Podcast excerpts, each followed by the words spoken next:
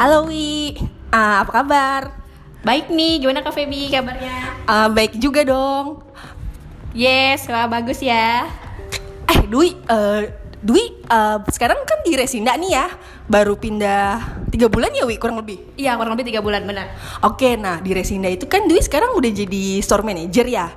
Eh, dulu sih waktu zaman gue barista, gue sempet agak mager ya kalau misalnya punya store manager yang eh, galak gitu ya bisa dibilang. Nah, kalau bisa dibilang juga kan gue sama lu eh, galak juga nih. Nah, menurut Dwi gimana?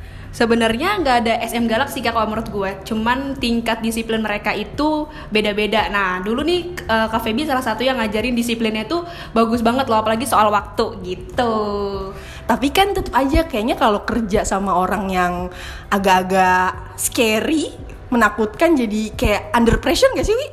Under pressure sih di mana-mana kerja pasti ya kak. Cuman itu bisa ada dua pilihan sih. Mau kita jadiin pelajaran atau kita malah jadi males sama orangnya. Tapi kalau di gua personal, gue belajar banyak sih dari orang-orang kayak gitu. Dan to be honest itu jadi gue praktekin sekarang ketika gue jadi store manager. Oh gitu. iya benar. Salah salah satu itu yang paling gue inget waktu Kak Feby bilang eh yang boleh marahin lo itu cuman gue doang. Yang lainnya tuh nggak berhak. Even itu Bang Randy. Dan itu gue terapin sekarang ke anak-anak gue gitu. Oke, jadi kalau misalnya anak-anaknya Dwi salah, eh Bang Randy nggak berhak ya ngomelin mereka ya. Iya bener, cuman gue doang yang berhak. Tapi eh, hubungan Dwi gara-gara Dwi galak di toko, gimana nih sama anak-anak? Apa mereka jadi ngejauh atau mereka jadi atau mereka justru jadi deket atau biasa aja atau gimana sering nongkrong bareng?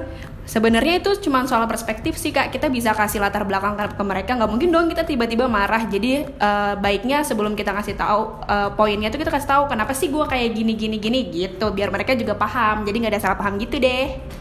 Oke, jadi karena keputusan yang kita buat kadang-kadang mungkin terkesannya galak itu sebenarnya buat tujuannya buat bisnis juga ya, buat supaya tokonya oke, bisnisnya oke, jadi achieve terus semua dapat insentif ya. Yes betul banget nggak mungkin merugikan pasti.